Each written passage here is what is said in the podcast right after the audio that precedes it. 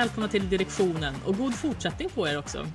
Ehm, och för er som har tänkt att börja det nya året i positiv anda, då skulle jag rekommendera er att hoppa över det här avsnittet och göra någonting annat. Byta kanal helt enkelt. För här kommer det att gnällas. Det vill vi göra klart från första stund här. Ehm, det kanske kommer att förekomma någon typ av positivt inslag, men då är det mer av en olyckshändelse skulle jag säga. Um, för i ett tidigare avsnitt här innan jul så gästades ju podden av Johannes Åverling på Clas Olsson. Och där vi pratar mycket om hur bra kundservice ska gå till. Men idag ska vi prata om riktigt jäkla dålig kundservice. Och vad det gör med oss. Ett riktigt tungt avsnitt som inleder det här året alltså. Och till min hjälp så har jag min bästa rantkompis när det kommer till att gnälla.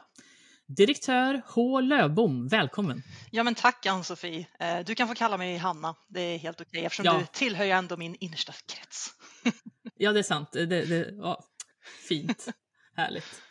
Eh, Hanna säger vi då. Eh, du är VD på Omnigym du? Det stämmer bra. Men det är inte därför du är här? Eh, det stämmer också bra. ja. För vi ska ha ett riktigt kundservice-rant här och jag vet att du har några godbitar där du kommer, som du kommer att bidra med har jag förstått. och nu ska vi väl i ärlighetens namn som man alltid säger säga att de här företagen är inte här för att förklara sig. Och Nej. så är det ju. och det är så livet är med dålig kundservice. Det händer och sen pratar man om det sin dåliga upplevelse med alla sina vänner för att man är missnöjd. Det är så livet är och det får man bara ta. Men vi kommer även att komma med lite tips i all välmening för vad man ska tänka på vid dålig kundservice. Alltså lite tips till företagen helt enkelt. Vi ska göra vårt bästa. Ja. Jag ser här nu att du sitter och hoppar lite grann nästan lite mot mig här och det nästan osar illavarslande ur öronen på henne. För jag vet att du är eh, redo för din rant, helt klart. Take it away, Hanna. Jag är alltid redo för en rant och jag tycker att det är jag älskar ju kundservice för att nu för tiden så tar jag det nästan som ett fenomen. Att det, det är superintressant att dissekera kundservice och vad det egentligen var som hände. Och kundservice tycker jag väldigt mycket är hur någon annan får oss att känna. Och jag tänkte ja. att vi ska börja med ett exempel som vi båda känner till, vilket är eh, Ja, men nu tänker jag ändå slänga ut det här företagsnamnet. För de ja, gör, kör!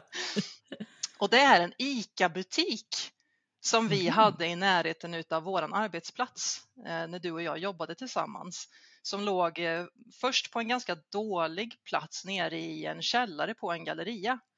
Eh, så det här var ah. nästan som en följetong hos alla oss som jobbade på den här arbetsplatsen och vi besökte den här ICA-butiken i tid och otid och då ska det även sägas att det fanns ju och finns även idag två andra butiker. Jag känner mig lite som att vi sitter på, på Sveriges Radio. Det finns ju många andra bra butiker ja, man kan precis. handla mat i också. Lite public service det här. Ja, precis. Um, och det finns ju även en Coop-butik och en Lidl-butik nu för tiden i den här gallerian. Men ändå så gick man ju till den här ICA-butiken för att den låg ju närmast. Ja, man gör man... alltid dåliga val gång på gång. Ja, och eh, det som vi tyckte var intressant efter ett tag var ju att vi alla hade samma upplevelse av den här ICA-butiken. Och här, jag tänker att vi börjar med det här exemplet för att det är någonting intressant som hände på den här ICA-butiken för att den känslan man fick när man gick in där var att man är mycket i vägen för de som jobbar där.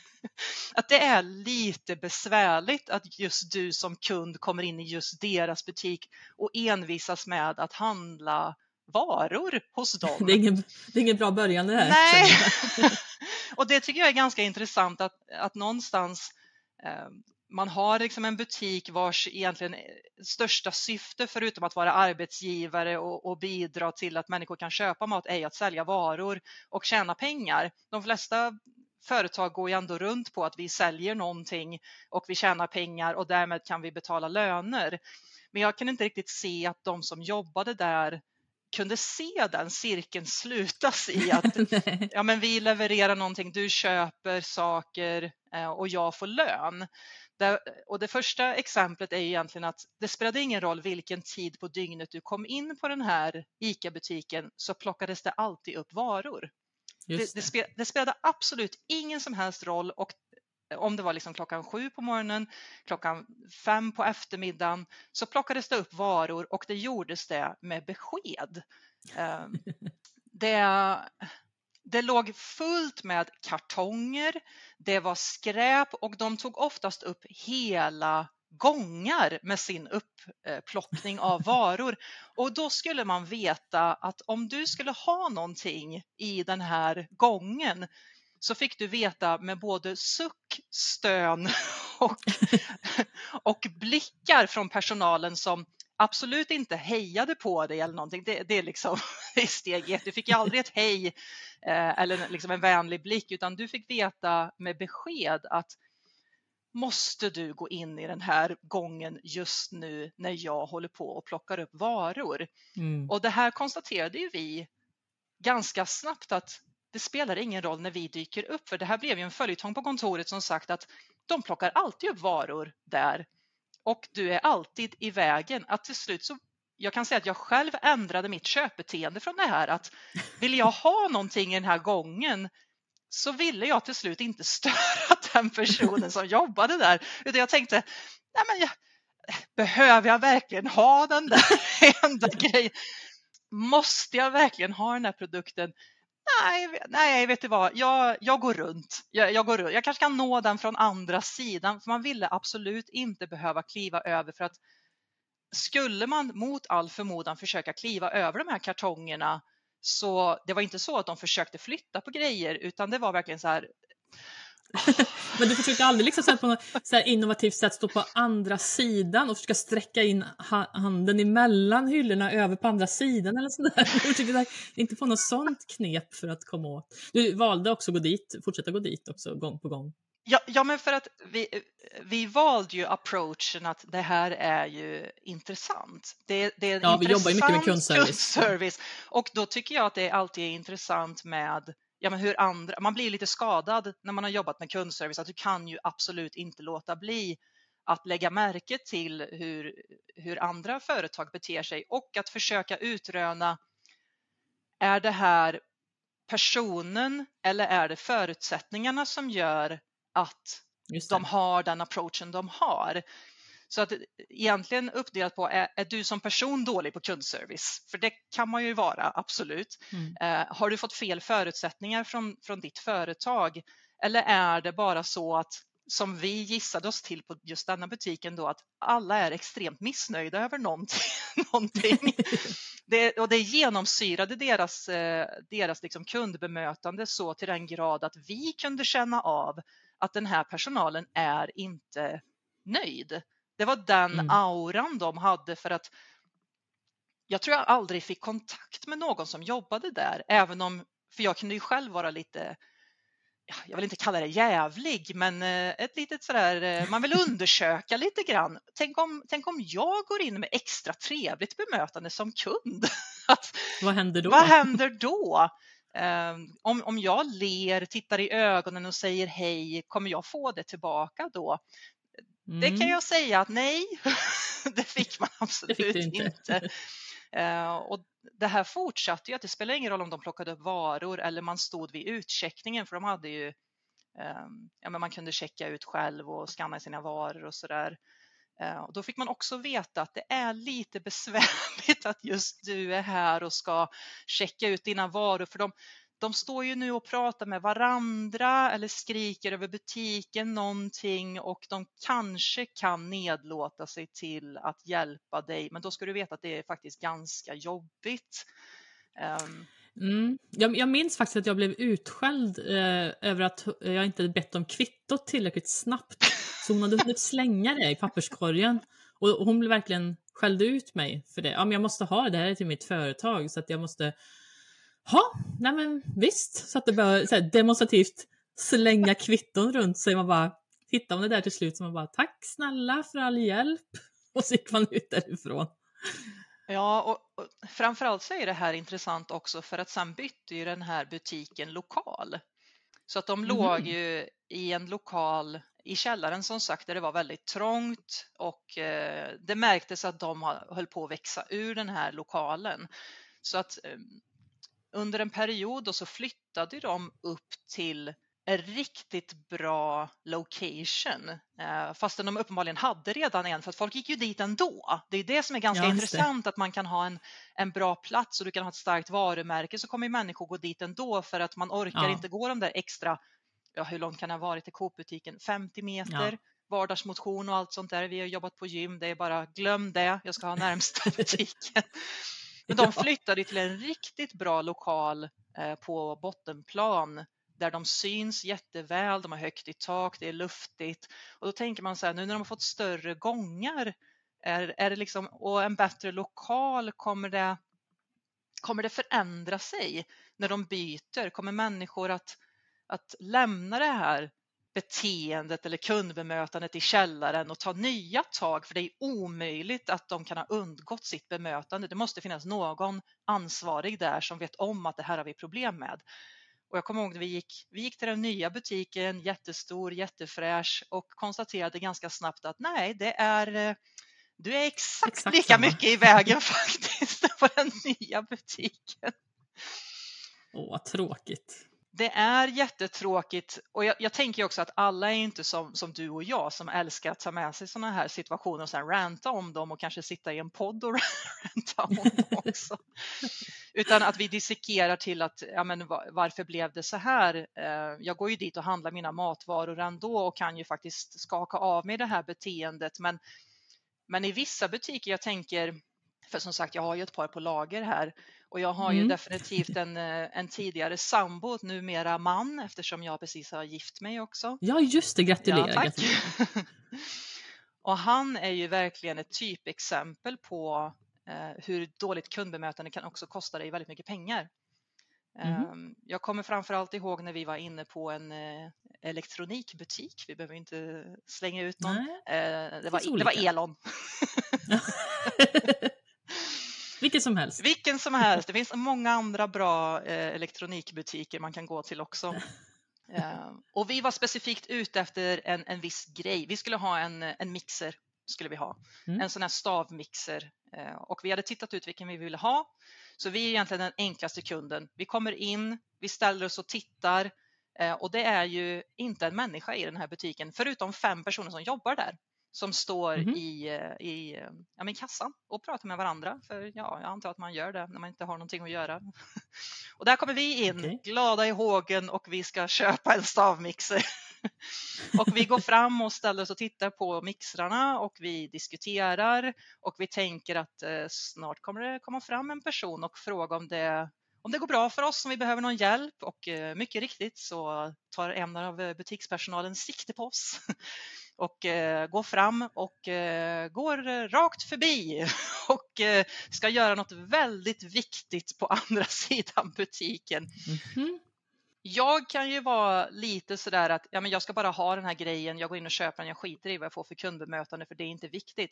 Men då ska det sägas att min numera man, han, är, eh, han drar gränsen väldigt mycket snabbare vid dåligt kundbemötande. Att den eh, sekunden det tog Det den här... per- inte. Ja, nej. Eh, Den sekunden det tog dem att passera oss bestämde han sig direkt för att eh, jag ska inte köpa någonting här. Nej, okej. Och då vet jag, eftersom jag känner honom ganska väl, att då är det ingen mening med att försöka övertala honom utan vi marscherade rakt ut igen och det blev ingen mixer. Fastän de hade den mixern som vi ville ha. Eh, Jaha, ja. ja, så struntade vi Det var en i att, eh, köpa den. principfråga. Det har blivit en principfråga och då tänker jag så här, hur många andra människor är likadana när det gäller Mm. den principen att nej men, nu är jag ute efter någonting och jag vill ha hjälp. Vi vet ju alla att det finns ju tider när man går in och det kommer fram personal och man vill inte att det ska komma fram personal, man vill ju bara gå och titta. Men Mm. jag tänker att eh, pratar man bra kundservice är ju riktigt duktig personal kan känna av det där och har en riktigt bra approach mot människor. Vilka är det som vill att jag kommer fram och vilka vill att jag inte gör det? Och hur kan jag ändå göra mig synlig ifall de behöver mig? Eh, Och vi utstrålade verkligen, vi vill köpa någonting. Ja, vi diskuterar, vi tittar på och- saker, vi söker ögonkontakt. Ehm, Och då när en person inte fångar upp det här och bara går rakt förbi, då blir det som en principsak att Eh, eh, nej, eh, för min del så kan den här butiken lika gärna konka. Utan Ja. jag tänker Men jag inte svårt- uppmuntra detta beteende med ett köp. Men där, där är jag lite ambivalent. Det beror lite grann på dagsformen för mig, skulle jag Mm, nog säga, mm. och hur bekväm jag själv är just i stunden. Man känner att "Nej, jag orkar inte åka hit en gång till eller åka till någon annan butik, så här, då kan jag liksom, så här, men ibland kan jag också bli lite så här, om det inte spelar så stor roll, inte är ett jätteviktigt köp, då kan jag faktiskt också ledsna och gå ut. Det är lite olika. Och jag är exakt likadan för att jag känner oftast att skitsamma, jag ska bara ha den här, det är en engångsköp, jag, jag lägger det här på minnet, åk inte hit igen. Men nu har jag ändå tagit Nej. mig tid att komma hit och jag vill ju ha den här, den står ju där och tittar på mig. Men jag vet också att min, eh, min man, han har inte, jag vet att det är, det är lönlöst att försöka övertala Ja. honom, kan vi inte bara köpa den här och åka? Nej! Svar nej. Svar nej, vi går vidare. Okej, men de har ju den här som vi vill ha. Nej, vi ska inte Nej, köpa den. det går inte. Nej, okej, och det här kan jag säga har hänt i många butiker. Jaha, Det här, är ett, eh, det här är ett faktum som inträffar allt för ofta. Ja, men alltså, om, om, jag, eh, om jag ska byta liksom, eh, servicemiljö lite grann så har jag ett exempel när ehm, eh, jag var på Sturehov här i Stockholm en gång. Och jag, jag ska säga att jag älskar Sturehov. Jag tycker jättemycket om det. Jag har varit där, frekventerat det stället många gånger eh, och spenderat en hel del tid där. Eh, och varit jättenöjd med servicen, för de är väldigt duktiga där. Men just den här gången så blev det en liten glitch i servicen kan man väl säga. Ehm, ja, jag, var, jag var där och beställde en Irish coffee i baren. Och så gick jag ut till mitt sällskap och när jag smakade lite grann på den här Irish coffeen så den var liksom inte god. Det var jättekonstigt och något, någon annan i mitt sällskap smakade också. Vad är vad är det för fel på den? Så här. Och så kom vi på att nej, men det är ju inget socker i den. De måste ha glömt det på något sätt. Mm. Ah, så jag går tillbaka till bartendern och säger ursäkta, jag tror inte att det var någon socker i den här. Eh, och vet du vad bartendern säger då? Berätta. Då säger han så här till mig. Socker är inte bra för dig. På ett liksom så här näpsigt och extremt dömande sätt. Alltså, ja då börjar liksom, då börjar Thunholmska blodet va- valla liksom kan jag säga. Alltså jag hade gärna berättat för honom vad som inte var bra för honom, men nu är ju jag välartad och ehm, så, så att jag är väluppfostrad. Så jag sa artigt, men kanske något stelt, att eh, jag dricker inte Irish coffee för jag tror att det är hälsosamt. Häll i socker tack. Så han gav mig en blick och höll i socker där och rörde runt lite tafatt där och så fick jag min söta, väldigt onyttiga Irish coffee. Alltså, Alltså han, eh, här lyckades han alltså med flera konststycken. Ett, han levererade inte det som du ville ha, för en Irish coffee är en Irish coffee. Eh, Ja. och, och såvida det nu inte var en eh, hälsobar. Nu kan jag inte komma på någon hälsobar där man serverar Irish coffee och bestämmer sig för att vi behåller alkoholen men vi tar bort sockret. exakt. Eh, så att dels så fick du inte en produkt du ville ha och sen så fick du även ett väldigt märkligt bemötande där han också lyckas skamma dig lite grann. Ja, över så här, Vill du verkligen. ha socker? Denna Ja, hälsoskadliga verkligen det? produkt i din Irish coffee. Ja, alltså man blir så. Men det, det, är så, det är så små saker som kan göra det också. Nu var ju han eh, rent sagt lite otrevlig här skulle jag säga. Men jag var på baren på Downtown Camper för några, mm, ja för en månad sedan var det väl. Och eh, när jag stod där i baren och beställde så bjöd bartendern mig på nötter. Alltså jag höll nästan på att börja grina. Det är så sällan de gör sådana fina små gester nu för tiden. Jag känner mig plötsligt ung och vacker igen. Och gick därifrån med rak i ryggen och var på jättegott humör. Så det, det kan ju gå, det är så enkelt att göra det rätt. Bjud på nötter. Det är som att fråga folk om, om lägg på Systembolaget, man blir också jätteglad. Absolut, här får du lägget. Jag är jättemycket äldre än vad du tror att jag är. Eller inbillar man sig att, de, att det är därför de frågar i alla fall. Jag, tänk, jag tänker mig att alla som, eh, som är i våran ålder och kanske lite uppåt när man blir ombedd att visa legitimation på Systembolaget så får vi nog alla samma ansiktsuttryck. Den här lite, precis. ja ja, jag tänker jag är självbelåten och eh, kokett samtidigt. Du Ja. tror att jag är under 20 du? Ja, nu ska jag Ja. allt visa dig hur gammal jag egentligen är. Ja, alltså, jag, jag har faktiskt en, eh, en till eh, story som hände en kompis till mig eh, som var på en bar. Eh, och hon var gravid då och var på sån här födelsedagsfirande med några kompisar på en restaurang och eh, alla drack ju alkohol utom hon då såklart. Eh, och de här vattenglasen kan ju ibland vara väldigt, väldigt små, det är nästan som glöggglas nästan mer eller mindre. Så hon frågade om hon kunde få ett större glas eftersom hon bara drack vatten så fick hon liksom fylla på det hela, hela tiden. Eh, och de svarade, men du har ju ett glas där. Ja, fast skulle jag, jag skulle vilja ha ett större för jag dricker bara vatten om ni har ett större glas. Men du har ju ett glas där. Hon var jätteotrevlig, bara gick därifrån. Så, här. så hon fick gå till en annan servitris för att liksom få ett glas. Du har ju så här, riktigt irriterat verkligen. Så här. Vad är det för fel på dig människa? Använd det glaset du har. Det är också så här, men varför gör man så? Man ser ju också att de var gravid liksom. Du kan inte hjälpa till lite grann? Nej. Det här får mig osökt att tänka på när jag äh, återigen, eh, min man gav mig en födelsedagspresent. Vi åker alltid äh, till olika hotell i Sverige när jag fyller år och så har vi olika ja, upplevelser. Vi har varit på alla möjliga olika ställen och det är också en en eh, undersökning i kundservice kan jag säga, att hamna på lite speciella ställen. Bland annat så, bara för att jag skulle berätta om en sak nu så kommer jag osökt in på en annan sak. Ja. Men vi hyrde, eller han hade då hyrt en stuga som låg uppe på ett berg, en ensam stuga där man då ska spendera 24 timmar utan, eh, ja, men utan elektricitet, utan liksom rinnande vatten och allt sånt där och du ska inte, ja, men du ska bara njuta av naturen, vilket var jättehäftigt. Och det var ju mm. såklart snö och sådär när vi kom upp och det här ligger ju uppåt i landet i, i Norrland. Så att när vi, och de vet ju om att vi kommer så att man, man checkade då in på hotellet och sen så skulle man då ta sig upp till den här stugan och de levererar mat och sånt där som man har förbeställt och de ser till att man liksom, ja men allting är klart. Så vi kommer ner till, den här stu, eller till det här hotellet och vi checkar in och sen så får vi då en karta så, och även pannlampor Och, eh, Aha, okay. ja, nej, men, och han förklarar då att ja, det finns ju tre vägar upp. Det är eh, bilvägen, det är den blåa banan. Det finns också en gul bana, en stig man kan gå och den röda banan som är eh, ja, men riktigt utmanande. Men där rekommenderar vi inte nu när det är så mycket snö. Och ja, vi tittar på honom och tänker, vad fan snackar han om? Vi ska ju åka upp såklart. Det är en halv meter snö ute. Det är kanske fem minus. Vi har ju mm. liksom alla våra grejer med oss och han tittar på oss som att vi är dumma i huvudet. Ja, alltså man går upp. Uh, ja, fast alltså vädret är ju liksom, det är fem minus. Hur lång tid tar det att gå utan snösituationen? Ja, det tar väl någon timme. Någon timme? Driver du med mig? Okej, okay, fast då tänker jag ändå att vi, vi tar nog bilen upp, säger han. Jaha, men, eh, men det är ingen som har plogat. Nej, men... Nähä, men, men ni, har, ni brukar ploga. Ja, vi har en lokal eh, kille med traktor som brukar ploga.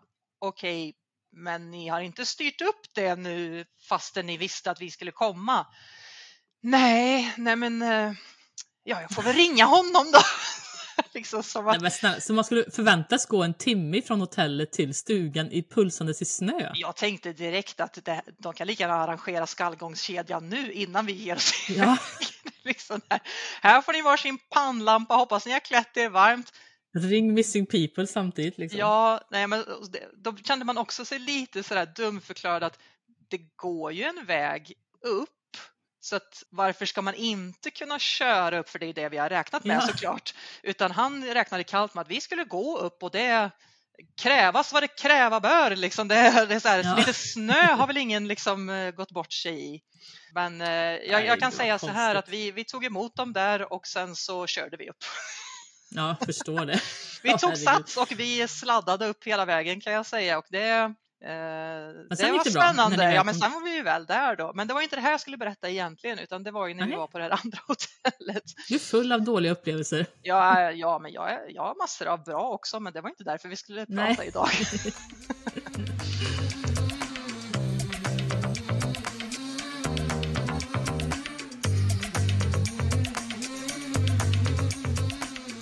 Nej, men då då hade det här andra hotellet som vi var på förra året, det var en, en spelarkad eh, mm. där man då också kunde äta. Eh, och det ska väl sägas att ingen av oss förväntade oss en gourmetupplevelse utan det var ju liksom spelarkad och du kan ja. käka burgare och liksom nachotallrik och sådär och det är ju fine. Det är ju, man är på en spelarkad och man, man dricker öl, man, man spelar flipper och alla de här gamla spelen som de hade så det var jättekul. Eh, men jag när jag dricker öl så vill jag gärna hälla upp den i ett glas. Ja. För att jag vill att det ska skumma. Någon jag ordning får det vara. att dricka ur flaska. Ja, någon ordning och någon eh, nivå av eh, klass får det vara. Även om man är på en spelarkad. Exakt, det var så jag tänkte. Så att vi, eh, ja men vi, vi går ju fram och liksom frågar så här, men, eh, behöver man liksom boka bord för att de verkar ju ha någon slags bufféhistoria och man kan beställa. Eh, Och det var absolut inte fullt på något sätt, utan men, men det var väldigt viktigt att vi bokade bord. Mhm. Ja, okej, ja, men då, då gör vi väl det liksom så här, till klockan sju. Ja. Och så gick vi och spelade lite och sen så kom vi tillbaka och, och eh, vi beställer då en, ja vad ska vi kalla det? Jag vill inte kalla det för förrätt, men vi beställer ändå in en sån här snackstallrik Ja, och tänker att nu, nu blir det fettchock. här. oh, det är gott. Det är gott. Ja. Eh, stunden krävde fettchock så att vi, vi körde på en snackstallrik och sen så tog vi varsin hamburgare efter det. Och eh, vi ville då ha varsin öl och jag säger att eh, jag tar gärna ett glas till min öl. Och till saken hör jag också att vi, och vi ville också ha varsitt eh, glas vatten. Så jag fick Mm. ju glas vatten och så fick vi ölen. Men jag fick inget glas. Så att när den här tjejen kommer tillbaka så påminner jag henne om så här, ursäkta kan inte jag, jag vill ha ett glas också. Då tittar hon på mig och så säger hon, ja men eh, glasen är i eh, diskmaskinen. Jaha. Eh, Jaha, okej. Ehm, och- jag blev så ställd över att hon säger att alla glas är i diskmaskinen. Jag tänker så här, ni har ju en bar liksom. Ja. Eh, Men hon säger i alla fall att nej men alla glas är i diskmaskinen men jag, eh, hon skulle väl komma ut med det snart och då tänker jag men alltså det är väl bara, de har ju säkert en sån här industrimaskin tänker jag som Ja, tar tio precis. sekunder så att hon går in och lyft på den, tar ut ett och handdiskar det och kom ut med det tänker jag i min, eh, ja. Så tänker i alla fall jag, men Mm. så tänkte inte hon utan det går några minuter och det går fem minuter, det går tio minuter och så till slut så liksom stoppar jag för att jag ser ju andra människor komma förbi med De glas. har glas. ja, de har ju glas. Eh, och då stannar jag henne igen och så här, ja ursäkta, jag, jag ville ha ett glas. Ja, men då har jag ju sagt att de är i diskmaskinen. och då, eh, eh, ja men då kommer ju liksom min nivå av så här, nej fast nu, nu får det räcka liksom. Jag bara, driver du med mig? Liksom. Och då är det intressant för då tar eh, jag och eh, ja, men eh, min man, vi tar ju liksom varsina roller här att när vi är inne på butik och han tröttnar, då är jag den här, men kom igen, kan vi inte bara köpa den här och gå härifrån? Men när jag tröttnar, då tar han den rollen och säger så här, Jaha, "Ah, okej. du kan väl bara liksom dricka ur så här. Jag bara, fast, fast hur svårt är det? Menar du att du inte kan få fram ett glas till mig? Ni är ju en bar. Ja. liksom. Eh, och för mig hade det inte spelat någon roll vilket glas jag fick för att när hon väl kom ut med ett glas sen, då kan jag säga att den smällen som kom av att hon smällde ner den i bordet, den kunde nog hela restaurangen höra. Hon kom ut med det här glaset och hon drämde ner i bordet.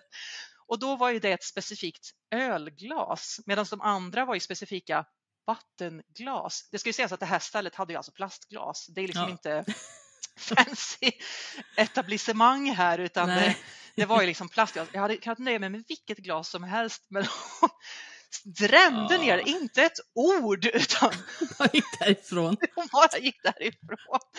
Och sen efteråt så blev jag nästan ännu surare för då säger eh, min man att jag dricksade dem lite extra. Ja, men nu, Verkligen inte. då var det nästan så att jag gick tillbaka och jag ska tillbaka. Ja, gud alltså. Men alltså dålig kundservice i all ära, men höjden av dålig kundservice måste väl ändå vara när man blir felaktigt dödsförklarad? Har detta drabbat dig? Nej, inte mig, tack gode gud. Men eh, eh, jag trodde nästan det idag, för jag, höll på, jag halkade nämligen på trappen idag och slog mig i utav helsike. Så att jag trodde nästan att det skulle bli dags för det. Men eh, nej, men visste du att hela 39 stycken svenskar har under 2022 blivit felaktigt dödsförklarade enligt Skatteverket? Det är helt Ja, nu sjukt. skrattar jag, men det, det vore inte så kul att sitta hemma och inse att man, är- att man är död. Nej, det ställer till väldigt mycket problem framför allt. För att Mm. Eh, ja, men allt slutar ju funka. Bank-id... Eh, då, då är de jäklar i mig snabba på att stänga ner verkar så. På ett par dagar så bara eh, stängs det ner tydligen. Då går det fort. Ehm, eh, en kvinna i Malmö läste jag om som hon blev felaktigt dödsförklarad efter ett, läkarbesök. Och den läkaren vill man ju inte gå till kan jag säga. Det känns inte så jätte... Eh, och hon fick ju ringa runt i flera månader runt till myndigheter bara för att lösa det här. Hon märkte då att eh, bank-id slutade fungera. Det var väl liksom Mm. det hon märkte då. Men det är konstigt att det kan vara så lätt att dödförklara någon. Man borde ju liksom, så jag tycker som läkare borde man väl ha hyfsad koll på hur många har dött under den här dagen och vilka som ska anmälas. Så, hur, hur var det nu den här Britta, hade hon halsfluss eller var det hon som, blev, som avled? Ah, jag skriver avliden. Var det Britta eller Britt-Marie som hade Ja. kolat och vem hade halsfluss? Oklart. Vi, vi dödförklarar båda. Men sen läste jag också att samma sak hände tydligen en som jobbar vid Örnsköldsviks sjukhus där han hade blivit dödförklarad av något som verkar vara en kollega på sjukhuset. Jag tänkte, då har väl ändå konflikten på arbetsplatsen gått lite väl långt om man dödförklarar sina egna kollegor. De hade, Herregud. ja, det- de hade faktiskt polisanmält det här så jag vet inte vad storyn blev där men jag tyckte det var rätt speciellt i alla fall. Steget vidare från att vända upp och ner på någons skärm. Liksom. Ja, exakt. Nästa steg. you're dead to me. Ja. And now you're dead to everyone. ja. ja, helt galet. Men jag ska berätta faktiskt om den värsta kundupplevelsen som jag har varit med om. Eh, det här slår allt vad SJ kan hitta på eller ja, såna här klassiska grejer. Jag, jag vill bara från början klargöra att jag inte är en oteknisk person. Jag är ingen IT-expert, men ja, jag har varit ung på 90-talet så jag har ju seriekopplat VHS videoapparater med skartsladd och grejer för att kunna spela in mina blandband med mina kompisar med roliga sketcher och sånt. För man gjorde det på den tiden. Eller du kanske inte har upplevt det? Ja, ja innan, innan du berättar så vill jag också förtydliga att när man, när man berättar väldigt många sådana här händelser så kan man ju till slut börja fundera på eh, vad är den gemensamma nämnaren här? Och jag vill också, jag vill också förmedla innan du berättar att eh, jag, jag har ransakat mig själv över om det är jag, men, men jag, det, i detta fallet är det, det är andra människor. Det är deras fel. Det andra människor i alla fall. Ja, Berätta absolut, det skulle jag säga.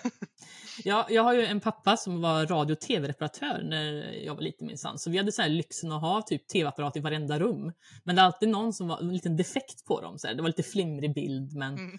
men det var ingenting som man inte lätt kunde lösa med en distinkt och välriktad dunk i sidan eller eller om det var glapp i någon tv, så här, det löste man ju lätt med en sån här träglasspinne eller dubbelvik pappskiva som man tryckte in. Så, här, så var det, var det löst. Låsa lite Så på jag- den eller vad som helst. Ja, jag kan mina grejer, jag är inte helt Ja. tappad i alla fall. Men hur som helst. ehm, så hade jag jag hade min Microsoft-licens på min Gmail, min privata mail. Men eh, så kom jag på att jag måste uppgradera min så här personal, tror jag den heter, licens till eh, business. För det enda jag ville kunna göra, jag var nöjd för övrigt, det var inga problem alls, men det enda jag ville göra var att kunna bjuda in till Teams-möte med min företagsmail, tunolmanagement.com, istället för min Gmail. Då. Inte så stor grej och låter ganska enkelt, kan man ju tycka. Så jag kontaktade Microsoft för att säkerställa att det verkligen var business, annars skulle jag bara beställt det. Men det här, jag vill verkligen kolla att det var den jag behövde, för det var lite otydligt. Ehm, men säljaren var glad och trevlig och bekräftade det och så genomförde vi köpet. Jättesmidigt, jättetrevlig säljare och sådär. Sen börjar helvetet. Ehm, och det kom ett sånt där installationsmail. Det är ju inga konstigheter, det är ju bara att följa, tänkte jag, liksom, sådär som man gör. När man installerar tusentals andra grejer. Ehm, man följer ett flöde, man gör exakt som de vill att man ska göra.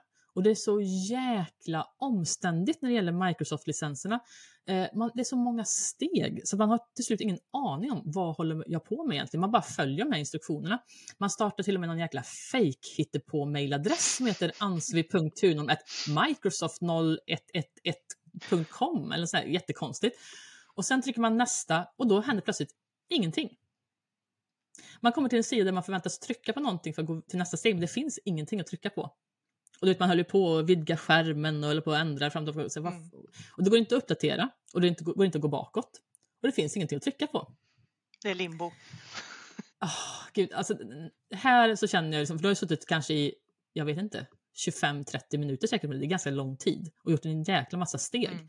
Och här, här, här kommer liksom en replik upp i mitt huvud som Peter Dalle säger i filmen Ogifta par. Att prata med dig är som spegla sig i ett kaleidoskop. Precis så kände jag det. Jag var helt jättesnurrig. Vad är det jag har gjort? Var, vart i kedjan är det jag har fastnat? Jag har ingen aning. Och hur fasen ska jag kunna redogöra för hela händelseförloppet för någon support om vad som har hänt? För man har ju laddat ner både det ena och andra och skapat fem olika inlogg. Några för att skapa inlogg på andra inlogg. Och man har ingen aning om vad man har gjort de senaste tre kvarten. Man har bara följt den här rutinen. Liksom. Men jag tänkte så här, misströsta ej. Det här löser vi. Det är bara att ringa supporten. Men det går inte att hitta ett telefonnummer till supporten. Det är helt omöjligt nästan. Eh, man kommer till de här jäkla chattbottarna som är ja. helt värdelösa. Och det tänker jag inte ens gå in på. Eh, men eh, så jag, jag, jag kommer på att man ska googla fram sådana här saker för det är då du får telefonnumren. Mm. Annars måste du söka i typ 10 minuter på varje hemsida för att hitta. Så um, ja, men på något sätt så får jag i alla fall igång så att jag kan göra, anmäla ett supportärende och sitter ju naturligtvis och väntar på att det här ska ske då. Um, och till slut så ringde det en kvinna upp från eh, Finland, tror jag hon var ifrån, eh, någon engelsk support. Eh, hon kan inte eh, lösa det här så hon ska ringa upp.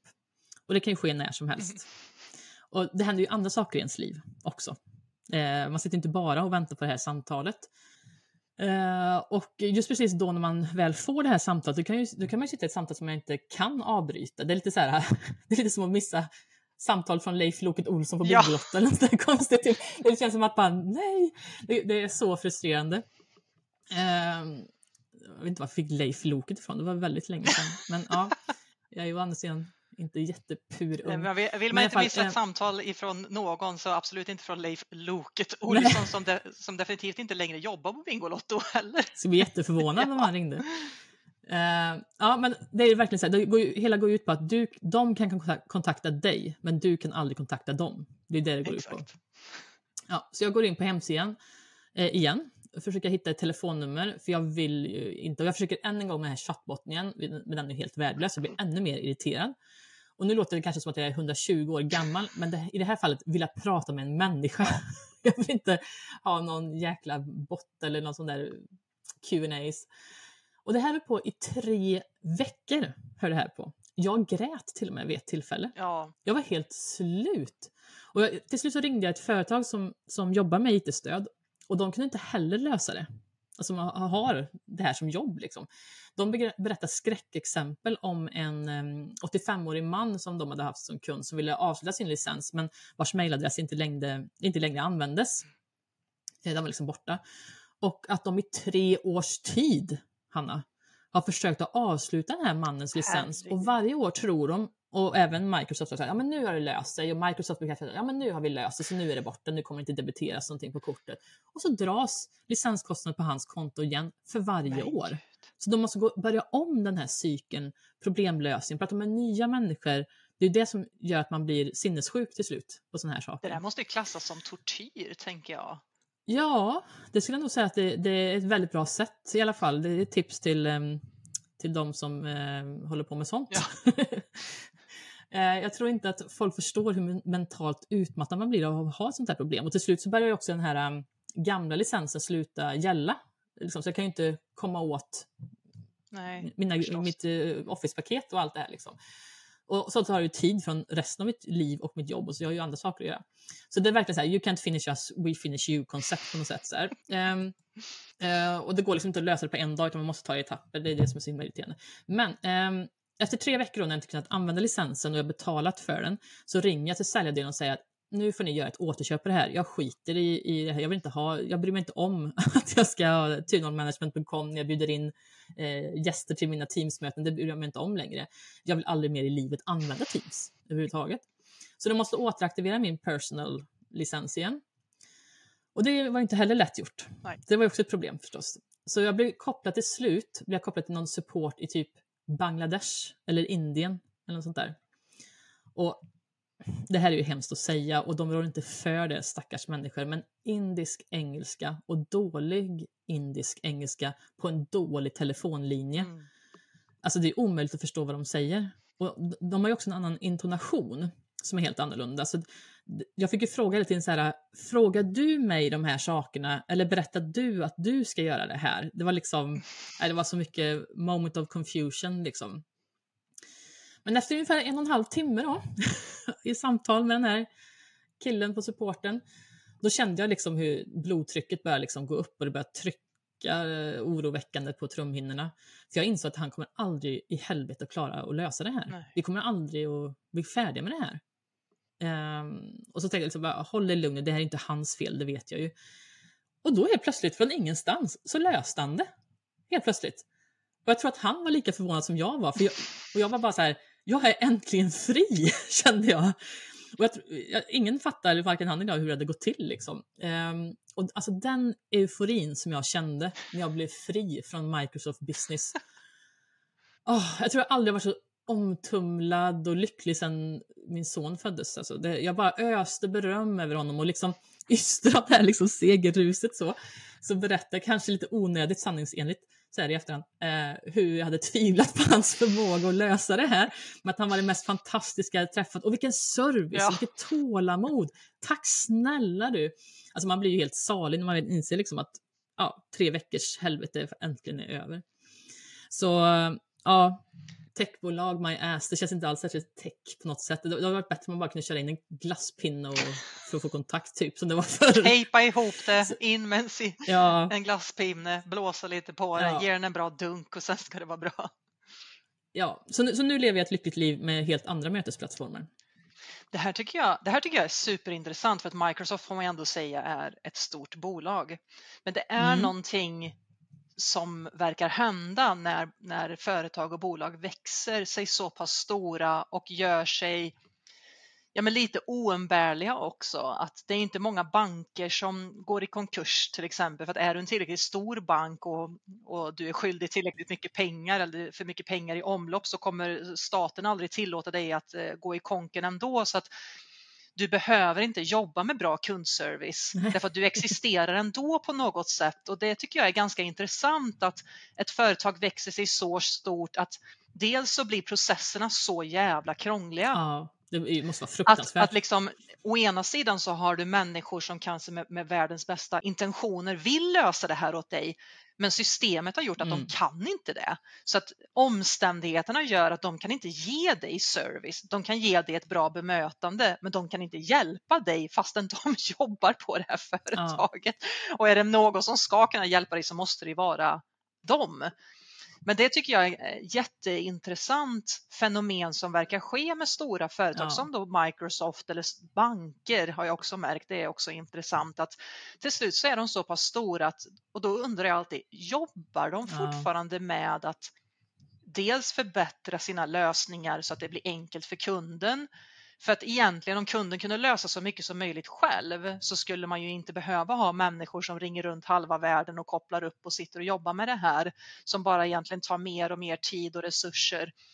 Eller fortsätter man att jobba med kundbemötande eller blir företaget så stort att det blir som en, en egen levande organism som bara utvecklas av sig självt? Att det, det finns ingen väsen. längre som är bakom rodret utan det är ett väsen som bara existerar. Och så har det satt sig ett dåligt bemötande eller dåliga lösningar kan, kanske till och med på grund av liksom en eller några få människor, för vi båda vet ju hur mycket det kan göra att en person kommer in och liksom eh, sätter sin kultur eller präglar på något sätt och det kan vara jättesvårt att vända det där sen. Eh, och jag tänker ju dels på min egen bank som eh, för många år sedan när jag köpte min lägenhet ville ha ett, eh, jag ville ha ett lånelöfte. De var ju min bank. Mm. Jag hade ju liksom inga lån och jag hade ett fast jobb och allt sånt där. Jag tänkte det var inga konstigheter. Och jag hörde inte ifrån dem på, ja, två månader tror jag. Så att jag glömde väl bort dem för jag tog ju in lånelöften från andra eftersom det brukar, på den tiden i alla fall, 2016 så gick det ganska fort att köpa en bostad. Man var med i en budgivning och sen helt plötsligt har man vunnit och Mm. det skulle skrivas och sådär. Så jag hade ju andra lånelöften såklart. Så jag tänkte väl inte mer på det där men tyckte att det var ganska konstigt att min egen bank, som ändå är en stor bank, inte har gett mig något lånelöfte. Så att jag glömde bort det där lite grann och, och två månader senare så dök det upp ett lånelöfte i min, eh, när jag var inloggad på banken att liksom, här kommer ditt lånelöfte. Och då blir man ju nästan då tycker man att det är skitdåligt för att jag ville ju ha det för två månader sedan men att få det nu, det var nästan som ett hån i ansiktet. Här kommer ditt lånelöfte. Vad har ni totalt missat hur bostadsmarknaden ser ut och hur snabbt det går när man väl sitter Ja, där och ska buda så måste du ju ha ditt lånelöfte. Eh, Så att jag, jag mejlade tillbaka att jag blev nästan ännu mer missnöjd över att, att få det där lånelöftet Ja. efter två månader än vad jag blev över att jag inte hade fått något. Och skrev och säger, hur fan tänker ni? Ni är min bank och eh, jag, liksom det här lånelöftet hade jag behövt ha för, för två månader sedan när jag köpte min lägenhet. Nu har jag köpt min lägenhet och jag har valt en annan bank. Eh, tack och hej. Men det slutar ju inte där utan då utan att säga någonting så sätter de in tusen kronor på mitt bankkonto Va? som plåster på såren. Tusen kronor? Okej. Och, det här, och det, här, det här tycker jag är intressant för att man vill då liksom någonstans göra en person nöjd. Man vill göra någonting för att så här, shit, vi har en kund här som inte är nöjd. Vad ska vi göra för att hon ska känna att vi ändå är en bra leverantör av banktjänster? Vi ger henne pengar. Ja. Och då blev jag så arg på det att jag bytte bank. Jaha, okej. Jag blev så, jag blev så störd på att de gav mig pengar. Jag vill ha ett bra lånelöfte. Jag vill ha bra ränta. Jag vill inte ha tusen kronor. Ja men jättemärkligt. Jag visste inte, ni kan väl inte bara dela ut pengar? Vems pengar är det här? Vill jag, I demand to know. Vems pengar är detta? Och det tycker jag är liksom lite intressant också att det kan gå åt andra hållet att ibland är det nästan bättre att bara försvinna ut i periferin att eh, vi, har, eh, vi har fuckat upp här Ja. och eh, då får man bara äga det på något sätt. Men eh, jag vet en annan tillfälle också när vi var på ett väldigt fint hotell och eh, hade då köpt en svit för att det var liksom lite, lite spännande och lite härligt och sådär och eh, jag kommer in, har inte packat upp, drar ut en stol och på den här stolen så ligger ett par trosor. Jaha. Uff. Och jag eh, tittar på de här och säger då så här, det ligger ett par trosor här och ehm, eh, får då frågan tillbaka, är du säker på att det inte är dina? Ja, jag är ganska säker, vi kom ju precis in. Jag har dem fortfarande Ehm, på mig. Jag har fortfarande mina på mig, eh, så snabbt går det inte, utan eh, det här är inte mina. Eh, Så att, eh, ja men han, eh, han eh, viker in de här liksom i, i, i en handduk och säger jag tar hand om det här. Då är jag så mycket i gasen att jag vill helst ta hand om det själv för att jag är upparbetad och ser fram emot en härlig diskussion i receptionen, men det fick jag inte Nej. eftersom det här också var då en sån här present. Det verkar Mm. vara något ihållande med de här presenterna. Ja. Eh, Och eh, hon tar då emot det här och säger så här, eh, vi ska se till att vi städar ordentligt och att vi tar det med, med städerskan och så återkommer vi. Mm. Och då står jag runt hörnet och lyssnar och tänker så här, vad fan menar hon med sig? Jag skiter väl i, jag hoppas de har städat ordentligt, men jag skiter väl i om de tar det med städerskan nu, skadan är ju redan skedd. Ehm, Men i alla fall, jag blir återigen då övertalad och här har vi tagit de här rollerna då där jag är förbannad och då försöker den andra liksom att lugna lite Släta grann, över hela. släta över det hela och säga strunt i det där nu, nu ska vi njuta av kvällen. Och sen så, så gör vi just det, vi njuter av kvällen och liksom vi sover över och kommer ner till frukost och efter frukosten då eh, stoppar receptionisten oss och så sticker hon till oss ett kuvert. Mhm. Ehm, och jag tänkte inte mer på det, men sen så kom vi då tillbaka och som då plåster på såren för detta. eh, det ska sägas att vi hade då tagit den finaste sviten de hade, Mm. att eh, då fick vi ytterligare en natt i en sån svit. Ehm, och det, då kan jag säga att det var rätt sak att göra också i rätt tid. Mm. För där fick jag ändå tanken om att när man har fuckat upp Mm. som företag eller liksom någonting har hänt. Det är inte hon som står i receptionen, det är inte hennes fel. Nej. Hon kan inte, men kan, man kan heller inte skylla på någon annan för att det är ni som liksom står som gemensam front på något sätt. Att det är, vi får äga allting som händer oavsett om det har med dig personligen att göra, Ja. det har med hotellet att göra. Men då insåg jag ganska snabbt att när det har hänt någonting som är ja, men som du är missnöjd över så räcker det inte med att ta upp kunden till noll. Nej. Därför att du kan inte hamna på plus minus noll. Du måste överträffa. Exakt. Du måste, göra alltså gå up and beyond Mm. för att den här personen ska gå från missnöjd till nöjd. Mm. Att man ska gå från kritiker till en ambassadör. För nu är jag en ambassadör för vi blev ju så nöjda över den här kompensationen Ja. och vi kunde ha ytterligare en natt där ute. eh, där vi Ja. verkligen njöt av att vara där och liksom tyckte att det var superhärligt. Och det tror jag, du sa i början att vi skulle ge lite handfasta tips. Ja, det Det är verkligen mitt tips. Ja, men det är verkligen ett av tipsen som jag skickar med till någon att står man och jobbar med någonting eller man vet att det här är vårat fel, vi måste äga det här felet. Ja. Det handlar inte om att peka finger eller någonting, utan det handlar bara om att vi äger det.